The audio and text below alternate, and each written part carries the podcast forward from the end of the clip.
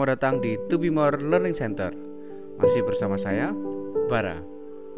Saya akan melanjutkan membacakan sebuah buku berjudul Meditation karya Marcus Aurelius yang diterbitkan oleh Naura Books.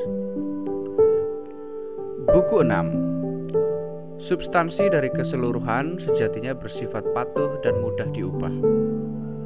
Dan nalar yang mengendalikan substansi ini tidak memiliki motif di dalam dirinya untuk melakukan kejahatan. Karena sebenarnya di dalam substansi tersebut tak ada hasrat untuk berbuat jahat. Ia tidak melakukan kejahatan terhadap siapa pun dan tidak ada yang ia lukai olehnya. Semua hal di dunia ini punya permulaan dan akhir yang selaras dengannya.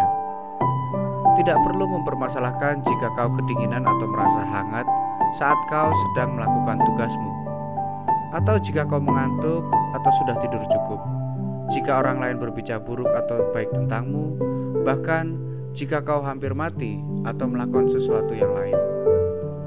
Karena bahkan jika kita mati itu pun merupakan salah satu tindakan kehidupan. Maka dalam tindakan ini juga sudah cukup untuk melakukan langkah terbaik yang kau bisa. Lihatlah ke dalam diri. Jangan biarkan kualitas spesial dari apa pun atau nilainya terlewat begitu saja dari perhatianmu. Semua yang saat ini ada akan segera berubah. Entah itu berubah menjadi uap, jika semua materi pada kodratnya adalah satu kesatuan, atau mereka akan tercerai-berai dalam atom. Nalar yang mengatur segala sesuatu ini mengetahui apa yang menjadi sifatnya sendiri dan apa yang bisa diciptakan dan materi apa saja yang bisa diubah menjadi hal lain. Cara terbaik untuk membalas dendam adalah dengan tidak bertingkah laku seperti orang yang menyakitimu. Nikmatilah satu hal dan buat dirimu nyaman di dalamnya ketika beralih dari satu tindakan sosial ke tindakan sosial lainnya. Selalu tempatkan pikiranmu pada yang ilahi. Pikiran pengendali adalah yang membangunkan dan menyesuaikan dirinya sendiri, menciptakan dirinya sendiri dari kodrat apa pun yang ia inginkan, dan membuat semua yang terjadi padanya muncul sesuai keinginannya. Dalam penyesuaiannya dengan kodrat dari keseluruhan, segala sesuatu memiliki pencapaiannya. Tidak mungkin sesuatu kodrat lainnya, baik yang tertutup dari luar maupun yang tertutup di dalam, atau terpengaruh eksternal apa pun. Alam semesta bisa jadi adalah sebuah kekacauan, kerumitan bersama, dan sebuah penyebaran. Atau itu adalah kesatuan, keteraturan, dan keniscayaan. Jika yang pertama benar, mengapa aku ingin tinggal di dunia yang bercampur aduk dan merupakan sebuah kekacauan? Kemudian, mengapa aku begitu peduli dengan apa pun selain bagaimana aku bisa menjadi sesuatu di bumi ini? Lalu, mengapa aku merasa terganggu? Pada saatnya, elemen-elemenku akan buyar tanpa peduli dengan apa pun yang aku lakukan. Namun, jika yang terakhir benar, maka aku akan menghormatinya. Aku berdiri kukuh dan aku menaruh rasa percaya seutuhnya pada siapa pun yang mengendalikan semua. Ketika kau dipaksa oleh keadaan hingga mengalami semacam kesulitan, segera kembalilah ke dirimu sendiri dan jangan berada di luar harmoni lebih lama dari yang seharusnya. Kau akan semakin menguasai harmoni dengan terus kembali ke sana. Apakah kau punya ibu tiri dan ibu kandung pada saat yang sama? Maka kau pun juga punya bakti yang sama pada ibu tiri. Tetapi kau tetap akan terus kembali bersandar kepada ibu kandung sendiri. Biarlah pengadilan dan filsafat menjadi ibu tiri dan ibu kandungmu. Kembalilah kepada filsafat sesering mungkin dan ambil kenyamanan darinya. Ia akan membantumu menoleransi kehidupan dan kau pun mampu menyesuaikan diri di dalamnya.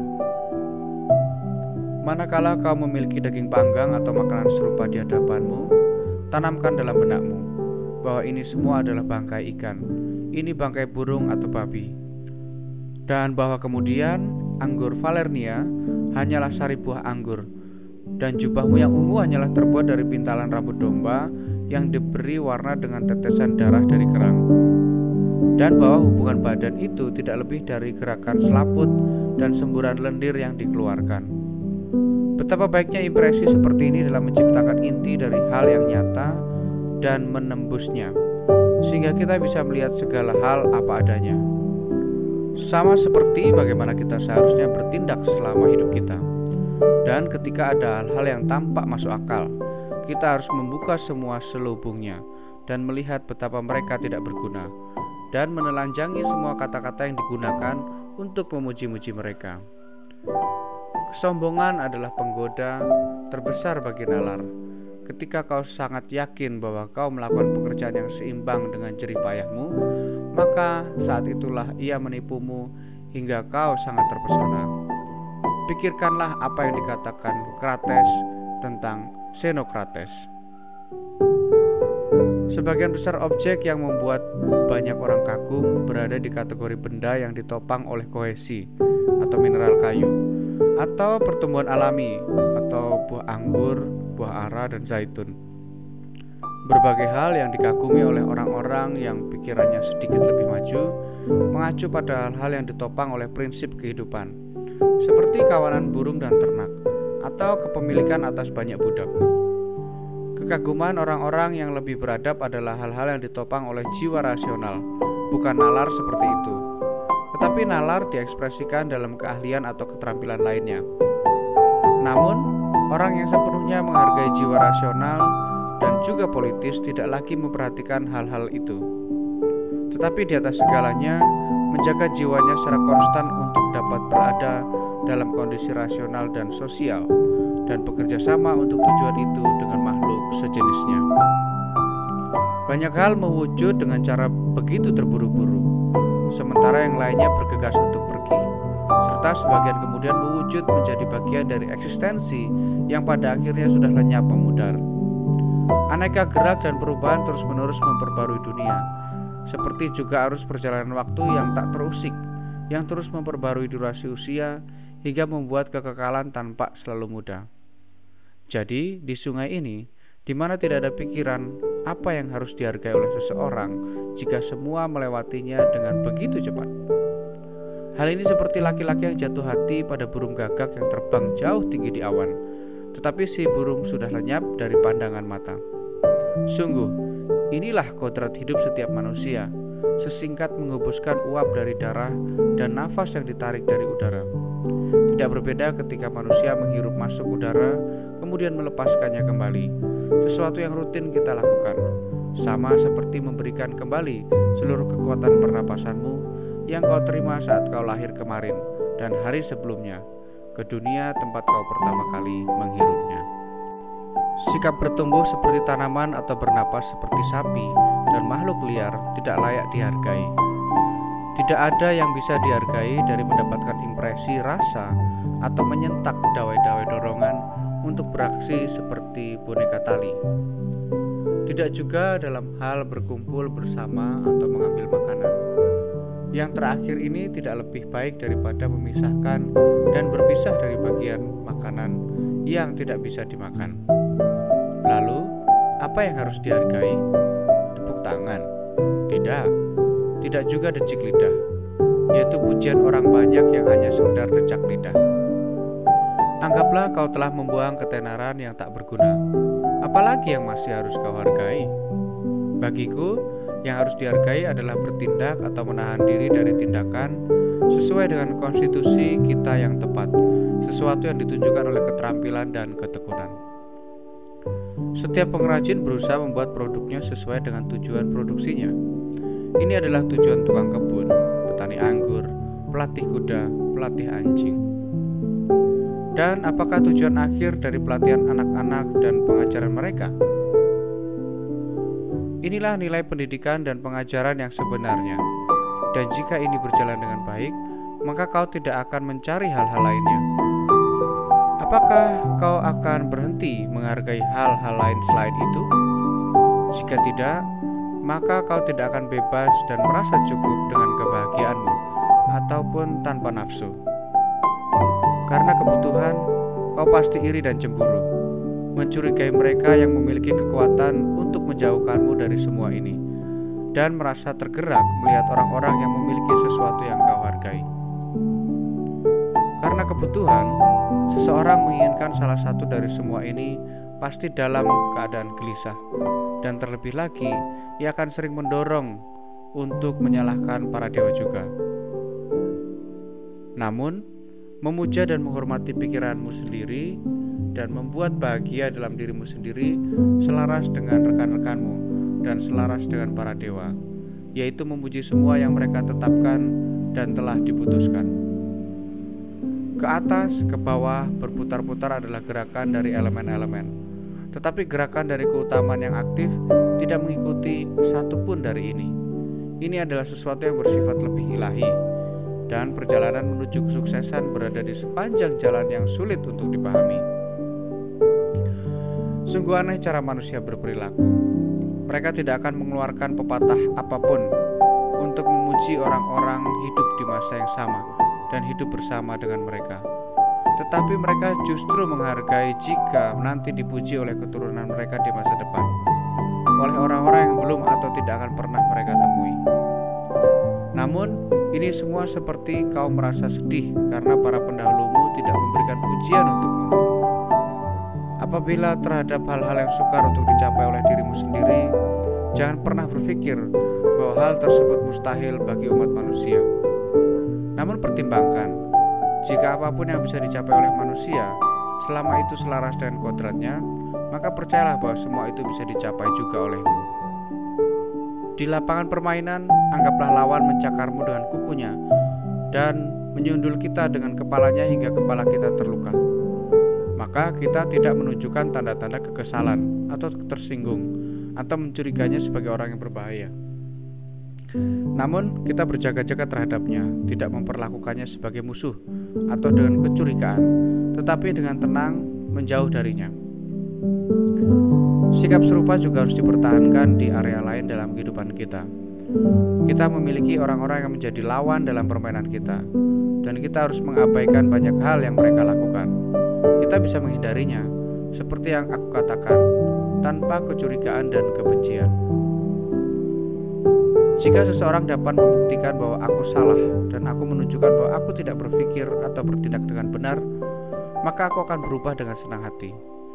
Karena aku mencari kebenaran yang tidak pernah melukai siapa pun. Tetapi orang yang bertahan dalam kesalahan dan ketidakpeduliannya adalah orang yang terluka. Aku melakukan tugasku sendiri. Hal-hal lain tidak menggangguku, karena mereka adalah benda yang tidak bernyawa atau makhluk yang tidak rasional atau telah tercatat dan mengabaikan jalan yang benar. Hewan tidak memiliki akal pikiran, dan secara umum demikian pula segala sesuatu dan objek. Maka, karena kau memiliki nalar, sedangkan mereka tidak, perlakukan mereka dengan kemurahan hati dan kesopanan. Namun, terhadap manusia, perlakukan mereka dengan kepedulian sosial, karena mereka memang memiliki nalar. Dan dalam setiap kesempatan, panggillah para dewa dan jangan permasalahkan soal berapa lama kau akan hidup untuk melakukannya karena tiga jam yang dihabiskan pun sudah cukup. Alexander dari Makedonia dan pengemudi keledainya sama-sama akan mati. Entah mereka akan dibawa dengan prinsip generatif yang sama dari alam semesta atau mereka akan sama-sama tersebar di antara atom-atom. Renungkan betapa banyak peristiwa dalam penggalan waktu yang sama dan tak terpisahkan yang terjadi pada masing-masing kita, baik jasmani maupun rohani. Maka kau tidak akan heran jika lebih banyak peristiwa, bahkan semua yang terjadi, hidup bersama di satu dan keseluruhan, yang kita sebut alam semesta. Jika seseorang bertanya padamu, bagaimana nama Antonius dieja? Apakah kau akan berteriak mengeja setiap suku kata? Lalu bagaimana jika mereka marah? apakah kau akan marah juga? Apakah kau tidak akan membaca urutan huruf dengan tenang, memberitahu masing-masing secara bergantian? Begitu juga dengan kehidupanmu. Ingatlah bahwa setiap tugas terdiri dari bagian-bagian tertentu. Tugasmu lah untuk mengamati ini, tanpa merasa terganggu dan menunjukkan kemarahan terhadap mereka yang marah padamu, untuk mengikuti tujuanmu sendiri dan menyelesaikan segala urusanmu. Betapa kejamnya jika kita tidak membiarkan manusia untuk memperjuangkan apa yang menurut mereka menarik dan menguntungkan. Namun, dengan caramu melarang mereka melakukannya, ketika kau harus meributkan bahwa mereka salah, mereka pasti tertarik pada kepentingan dan keuntungan mereka sendiri. Tapi sebenarnya tidak begitu. Kalau begitu, ajari mereka, tunjukkan kepada mereka tanpa harus marah. Kematian adalah kelegaan dari reaksi terhadap indera, dari dorongan untuk beraksi seperti boneka tali, dari pikiran analitis, dan dari pengabdian pada tubuh. Sungguh amat sangat disayangkan bagi jiwa apabila menyerah begitu saja pada hidup ini, sedangkan tubuh tidak menyerah kalah. Berhati-hatilah agar jangan sampai kau menjadi kaisar autokrat atau diwarnai dengan sifat-sifatnya. Itu bisa terjadi. Jagalah dirimu agar selalu sederhana, baik, murni, serius, terbebas dari perasaan selalu berkawan dengan keadilan, menjadi pemuja para dewa, baik hati, hangat, serius dalam melakukan semua tindakan yang sesuai. Berupaya terus untuk selalu menjadi seperti yang filsafat inginkan. Patulah pada para dewa dan bantulah semua manusia. Hidup ini singkat. Hanya ada satu hasil yang bisa dipetik dari hidup yang dijalani dengan baik yaitu sikap yang rendah hati dan tindakan yang berguna bagi masyarakat. Lakukan segala sesuatu sebagai murid Antonius. Ingatlah bahwa ia konstan dalam setiap tindakan yang selaras dengan nalar dan kesetaraan dalam segala hal. Kesalehannya, ekspresinya yang tenang, kelembutannya, sikapnya yang tidak menghiraukan ketenaran yang hampa, dorongannya untuk memahami urusan dengan tegas. Bagaimana ia tidak akan pernah melewatkan apa pun tanpa terlebih dahulu memeriksanya dengan teliti dan memahaminya dengan jelas. Bagaimana dia akan menoleransi orang-orang yang menyalahkannya secara tidak adil tanpa balik membalas mereka. Bagaimana ia tidak pernah melakukan apa pun dengan terburu-buru. Dia tidak mau mendengarkan fitnah. Dia adalah penilai yang akurat atas karakter dan tindakan manusia tidak memiliki kecenderungan untuk mencela orang, tidak kenal takut, tidak curiga, dan bukan seorang sofis. Bagaimana dia puas dengan yang sedikit, mulai dari rumah, tempat tidur, pakaian, makanan, pelayan. Sifat rajin dan sabarnya. Ia adalah laki-laki yang kuat mengerjakan tugas hingga malam, bahkan tidak perlu istirahat kecuali pada jam biasanya. Juga cara makannya yang hemat, konstan dan adil dalam persahabatannya, toleran terhadap oposisi yang terus terang terhadap pandangannya sendiri, dan senang hati menunjukkan cara yang lebih baik. Takut akan yang ilahi, tetapi tidak percaya tahayul. Sadarlah, ingatkan dirimu, hentikan tidurmu sekali lagi. Sadari bahwa itu hanyalah mimpi yang mengganggumu, dan sekarang setelah kau bangun, lihatlah ini semua yang ada di sekitarmu seperti kau melihat itu semua, mimpi-mimpimu. Aku terbuat dari tubuh dan jiwa. Nah, bagi tubuh kecil ini segala sesuatunya adalah netral karena ia tidak dapat membedakannya. Dan bagi pikiran segala sesuatunya adalah netral, yaitu semua yang bukan aktivitasnya sendiri. Dan semua aktivitasnya sendiri berada dalam kendalinya. Namun di dalam pikiran ini ia hanya mementingkan masa kini, aktivitasnya di masa depan dan masa lalu juga netral terhadap masa kini. Kerja keras yang dilakukan oleh tangan atau kaki tidak bertentangan dengan alam, selama kaki melakukan pekerjaan kaki dan tangan melakukan pekerjaan tangan. Begitu juga bagi seorang manusia, manusia dengan pikiran pengendali. Tidak ada yang bertentangan dengan kodrat dalam kesakitan yang ia rasakan selama ia melakukan pekerjaan manusia. Jika pekerjaan tersebut tidak bertentangan dengan kodratnya, maka itulah bukan kejahatan baginya. Betapa banyak kesenangan yang telah dinikmati para perampok, pembunuh ayah, dan tiran. Apakah kau tidak melihat bagaimana rajin sementara mengabaikan para awam sampai titik tertentu, tetap berpegang pada prinsip keahliannya dan tidak akan bisa meninggalkannya? Maka tidaklah aneh bahwa arsitek dan dokter akan menunjukkan rasa hormat yang lebih besar terhadap prinsip-prinsip yang mereka pegang dari keahlian mereka daripada manusia menunjukkan rasa hormat terhadap prinsip-prinsip pembimbing hidupnya sendiri yang sama dimiliki oleh juga para dewa. Asia dan Eropa hanyalah sudut alam semesta. Semua laut adalah tetes air di alam semesta ini. Gunung Atos adalah sebuah bongkahan kecil di alam semesta. Semua yang ada di masa kini merupakan sebuah titik dalam keabadian. Segala sesuatu sungguh kecil, dapat berubah, dapat berlalu. Semua hal yang datang dari dunia ini dimulai dari nalar yang mengatur segala atau sebagian akibatnya. Maka rahang singa yang menganga, semua yang beracun, setiap jenis kerusakan, seperti duri atau lumpur, merupakan hasil konsekuensi dari apa yang mulia dan indah. Maka, jangan berpikir bahwa mereka asing dengan apa yang selama ini kau sembah, tetapi bentuklah opini yang tepat mengenai sumber dari segala hal. Mereka yang hanya melihat masa kini telah melihat segala sesuatunya dengan jernih, baik semua yang telah terjadi dari yang kekal maupun yang akan terjadi untuk selama-lamanya. Semua hal terhubung satu dengan lainnya dan membentuk satu kesatuan yang utuh. Kau harus sering merenungkan tentang hubungan semua hal, alam semesta dan hubungan satu sama lain.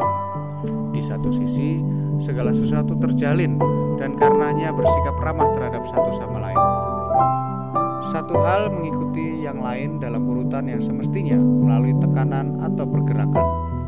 Semangat bersama yang menginspirasi mereka dan kesatuan semua unsur. Sesuaikan dirimu dengan hal-hal yang telah menjadi tanggung jawabmu dan cintai orang-orang yang telah ditakdirkan untukmu. Tetapi cintamu harus tulus sepenuh hati. Setiap instrumen, alat, wadah, jika ia berfungsi dengan sesuai tujuan pembuatannya, maka semua ini baik-baik saja. Tetapi pembuatannya berada di luar objek yang dibuat. Namun, dalam hal-hal yang diikat oleh alam, kekuatan Sang Pencipta mereka berada di dalam dan tetap ada di dalamnya. Oleh karena itu, kau harus lebih menghormati kekuatan ini dan berpikir bahwa jika kau menjaga keberadaan dan perilakumu sesuai dengan keinginan dan kekuatan ini, maka kau akan menjadi sesuai dengan nalarmu. Demikianlah juga di dalam keseluruhan, semua yang ada di dalamnya sesuai dengan pikiran yang total.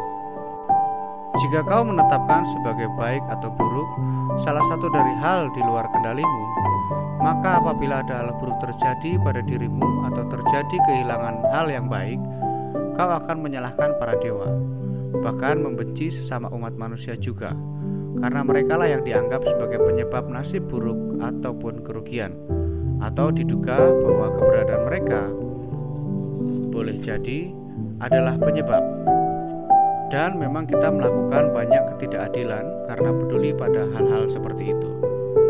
Namun, jika kita menilai hanya hal-hal yang berada di dalam kekuatan kita sendiri, yang baik atau buruk, tidak ada alasan yang tersisa bagi diri kita untuk menuntut yang ilahi atau bertahan dengan sikap yang penuh kebencian pada sesama manusia. Kita semua bekerja bersama demi satu tujuan, beberapa dengan perhatian sadar dan yang lain tanpa menyadarinya seperti yang dikatakan Heraklitos. Kurasa bahwa orang yang tertidur pun adalah buruh atau petugas yang mengerjakan semua hal yang terjadi di dunia. Namun, manusia bekerja sama dengan cara yang berbeda-beda, dan bahkan orang-orang ini banyak bekerja sama, yang selalu mengkritik, dan mereka yang mencoba menentang atau menghalangi produksi yang berjalan. Bahkan, dunia membutuhkan mereka juga jadi, kau tetap harus mengerti di kategori mana kau menempatkan diri. Tentu dia yang mengatur keseluruhan akan memanfaatkanmu dengan benar dan menyambutmu menjadi bagian dari angkatan kerja gabungan. Namun, pastikan saja bahwa peranmu bukan bagian dari bait murahan dan vulgar dalam sebuah lelucon, seperti yang dicatat oleh Kripsipus. Apakah matahari dianggap melakukan pekerjaan dewa hujan? atau Aklepios mengerjakan pekerjaan Dewi Panen? Dan bagaimana dengan bintang-bintang? Tidakkah mereka berbeda, tetapi mereka bekerja sama untuk menciptakan tujuan yang sama? Jika para dewa telah memikirkan tentangku dan tentang peristiwa-peristiwa yang harus terjadi padaku, maka mereka telah membuat keputusan yang baik. Tidak mudah untuk membayangkan dewa yang sembrono dan alasan apa yang mungkin mereka miliki untuk bertekad menyakitimu Keuntungan apa yang didapat dari hal itu? Baik untuk diri mereka sendiri atau kebaikan bersama, yang merupakan perhatian utama dari pemeliharaan mereka. Namun, jika mereka tidak memikirkan tentang diriku secara khusus, maka pasti mereka berpikir untuk kebaikan bersama. Dan peristiwa-peristiwa terjadi secara berurutan dalam susunan umum ini harus diterima dan disambut dengan tangan terbuka. Namun, jika mereka tidak memikirkan apa pun, sangat tidak beriman jika percaya pada hal ini atau kita mempercayainya. Mari kita tinggalkan pengorbanan, doa kepada para dewa, bersumpah demi para dewa, atau semua hal yang kita lakukan dengan asumsi bahwa para dewa bersama kita yang hidup dengan kita. Jika mereka tidak memikirkan apa pun yang hubungannya dengan kita, maka aku pun bisa memikirkan diri sendiri dan aku bisa mencari tahu tentang hal yang berguna ini, yaitu bahwa masing-masing manusia selaras dengan kondisi dan kodratnya sendiri, dan kodratku adalah rasional dan sosial. Seperti Antonius, kota dan tanah airku adalah Roma, sebagai manusia adalah dunia. Maka, apa saja yang menguntungkan bagi keduanya adalah satu-satunya kebaikan bagiku. Apa pun yang terjadi pada setiap orang secara individual, hal itu menjadi keuntungan bagi keseluruhan. Hal tersebut rasanya sudah jelas. Akan tetapi jauh lebih lagi, kau akan melihat bahwa inilah kebenaran yang berlaku secara umum. Jika kau sudah mengamatinya, bahwa apa pun yang menguntungkan bagi seseorang, maka hal tersebut juga menguntungkan bagi orang lain. Meskipun kata menguntungkan sendiri harus dilihat dalam sudut pandang seperti yang sering kita terapkan pada hal-hal lain, sebagai hal yang berada di tengah, netral, tidak baik, tetapi juga tidak buruk. Sebagaimana hal ini terjadi pada dirimu di amfiteater dan tempat-tempat seperti ini, maka pemandangan yang terus-menerus dari hal-hal yang sama dan seragam membuat pertunjukan ini membosankan. Demikianlah yang terjadi di sepanjang perjalanan hidup ini. Semuanya naik turun adalah hal-hal yang sebenarnya sama dan berasal dari sumber yang sama. Lalu, berapa lama semua ini akan menjadi seperti itu? Berpikirlah terus-menerus tentang semua jenis manusia dan segala upaya yang ia kejar dari seluruh bangsa yang ada di dunia ini yang sudah tidak lagi ada. Dan karena itu, pikirkan Filistion, Poebus, dan Origanion. Kini alihkan semua pikiran yang ada di dalam benakmu kepada orang-orang lain. Kita juga perlu mengubah tempat tinggal kita di dunia lain itu, di mana ada banyak bentuk orator terampil. Begitu banyak filsuf terkemuka. Herakleitos, Pitagoras, Socrates juga para pahlawan yang datang dari masa lalu, serta ada sebagian besar jenderal yang ada bersama mereka, juga tiran. Tambahkan Eudokos, Hiprakus, Archimedes. Tambahkan orang-orang lain dan kecerdasan yang tajam, orang-orang dengan visi yang hebat, orang-orang yang berdedikasi pada pekerjaan mereka. Tambahkan bajingan, fanatik, dan bahkan satiris dari kehidupan fana tidak kekal ini, seperti Manipus dan orang-orang lain yang menyerupai dirinya. Renungkan semua ini bahwa mereka sudah lama mati dan dikuburkan. Maka, apakah ini sesuatu yang buruk bagi mereka? Dan apa yang terjadi pada mereka yang menyandang nama-nama kini yang tak lagi dikenalnya? Ada satu hal di dunia ini yang sangat berharga, yaitu menjalani hidupmu dengan kebenaran dan keadilan, dengan sikap yang penuh kebajikan bahkan kepada mereka yang berkata bohong atau bersikap tidak adil. Saat kau ingin menghibur diri sendiri, ingatlah kualitas baik dalam diri rekan-rekanmu. Energi yang satu misalnya, kesopanan yang lain, dan kemurahan hati yang lain lagi, dan semua kualitas yang serba baik pada hal lainnya. Tak ada hal yang lebih membuat hati riang selain berbagai contoh tentang keutamaan tersebut ketika mereka menunjukkan moral mereka dan hidup berdampingan dengan kita dan menampilkan diri mereka dalam berkelebihan dari keutamaan tersebut. Sebisa mungkin dan sedapat yang bisa dilakukan. Ke mana pun kita berada, maka kita perlu menjaga agar mereka semua ada bersama kita. Kau bukannya tidak merasa puas, kurasa karena berat badanmu hanya sejumlah itu dan bukan 300 pon maka jangan merasa tidak puas karena kau hanya hidup bertahun-tahun dan tidak lebih.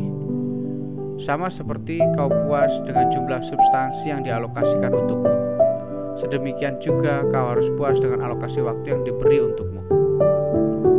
Mari kita coba untuk membujuk mereka, para manusia. Namun bertindaklah bahwa melawan keinginan mereka, kapan pun pikiran pengendali membawamu ke arah demikian. Namun jika seseorang dengan paksa menolak, ubah sikapmu menjadi penerimaan yang tidak mengandung luka. Jadi gunakan rintangan untuk menghasilkan keutamaan yang berbeda. Dan ingatlah bahwa kau berjalan pada jalur bersyarat. Kau tidak mengarah pada hal yang mustahil. Jadi, apa tujuanmu? Dorongan yang disetujui oleh suatu kondisi. Ini yang telah kucapai. Apa yang kami usulkan kepada diri kami sendiri telah tercapai. Pecinta ketenaran menganggap aktivitas orang lain adalah kebaikannya sendiri. Pecinta kenikmatan menganggapnya sebagai sensasi yang ia rasakan. Tetapi orang yang cerdas menganggap semua tindakannya adalah kebaikannya sendiri. Kita memiliki kekuatan untuk tidak membentuk opini terhadap sesuatu dan tidak membiarkan jiwa kita terusik. Karena segala sesuatu itu sendiri tidak memiliki kekuatan alami penilaian kita terhadap mereka. Biasakan dirimu untuk memperhatikan dengan cermat apa yang orang lain katakan dan sejauh mungkin masukkan ke dalam alam pikiran dari orang yang berbicara itu. Apa yang tidak menguntungkan sarang lebah juga tidak menguntungkan lebah. Jika para pelaut berbicara buruk tentang kapten mereka atau pasien tentang dokter mereka, apakah mereka akan mendengarkan orang lain? Bagaimana kapten mencapai pelayaran yang aman bagi penumpangnya atau bagi dokter kesehatan bagi mereka yang diurusnya? Betapa banyak orang yang datang ke dunia bersamaku kini telah pergi. Dan yang tampak bagi mereka yang tengah menderita sakit kuning, maka madu yang manis pun terasa pahit. Mereka yang digigit anjing gila pun melihat air dengan mata ketakutan. Bagi kanak-kanak, bola adalah hal yang begitu berharga. Lalu, mengapa kemudian aku harus menjadi marah? Tidakkah kau berpikir bahwa opini yang keliru punya kekuatan yang jauh lebih kecil dibandingkan serangan penyakit kuning maupun racun di dalam tubuh orang yang digigit anjing gila? Tak ada seorang pun yang bisa menghalangi keinginanmu untuk hidup selaras dengan kodratmu peristiwa yang terjadi padamu tidak akan bertentangan dengan prinsip dari kodrat alam semesta. Orang seperti apakah yang ingin mereka senangkan? Dan tindakan apa saja yang menjadi sarana kesuksesan mereka? Seberapa cepatkah waktu akan menyelubungi segala sesuatu? Dan berapa banyak hal yang sudah diselubungi oleh waktu? Bersambung ke buku 7